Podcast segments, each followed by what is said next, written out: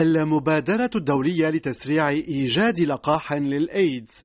أنجزت المرحلة الأولى من التجارب السريرية التي كانت قد انطلقت على هذا اللقاح في العام 2018 وطالت 48 إنسانا متطوعا. في الفترة الأخيرة أتت نتائج هذه التجربة واعدة بما أن اللقاح المرشح للوقاية ضد فيروس عواز المناعة المكتسب حصلت تجاهه استجابة مناعية تحصينية وصلت إلى معدل 97% معي في مقابلة اليوم الدكتور حكيم الحسيني الاختصاصي في الأمراض الجرثومية والمعدية في مستشفى هنري موندور في مدينة كريتاي الفرنسية.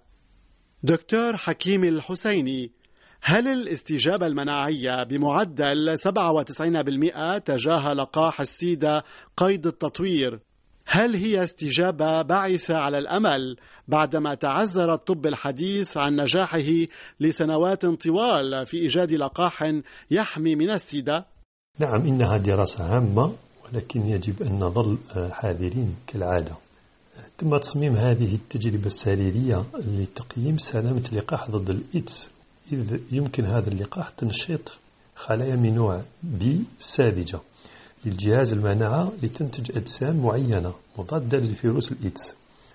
النتيجة هي أن 97% من المشاركين الذين هم ليسوا مصابين بالإيدز وتم تطعيمهم أنتجوا أجسام مضادة من فئة معينة اسمها ال VRC O 1 والتي معروفة أنها تمنع الفيروس من دخول إلى الخلايا.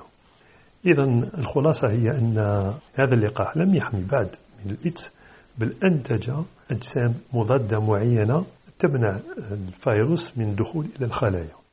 دكتور حكيم حسيني يطمح الباحثون الأمريكيون الاستفادة من تكنولوجيا ال ARN messenger من أجل التوصل إلى المصادقة على لقاح واق تجاه الإيدز هل اقتربنا من ساعة الحسم بفضل جائحة الكورونا ورب ضارة نافعة لصالح لقاح السيدة؟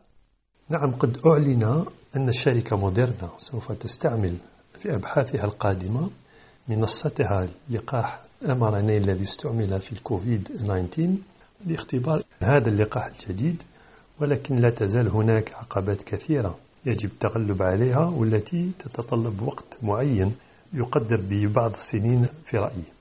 بشكر نهائي للدكتور حكيم الحسيني أغتنم الفرصة لإلقاء تحية تقدير لجميع الأطباء وخبراء الصحة الذين ساندوني في إنتاج حصة أخبار صحتكم تهمنا على مدار عشر سنوات ونيف. بانطفاء شمعة هذه الحصة الإخبارية بدءا من هذه اللحظة. لا يسعني إلا أن أفتخر أيضا بثقة شريحة كبيرة من المستمعين الذين لم يملوا في متابعة يوما بعد يوم. طبعا لن يكون وداعي وداعا نهائيا. فمن إلي أيوب أصدق الدعوات بالصحة والعافية للجميع.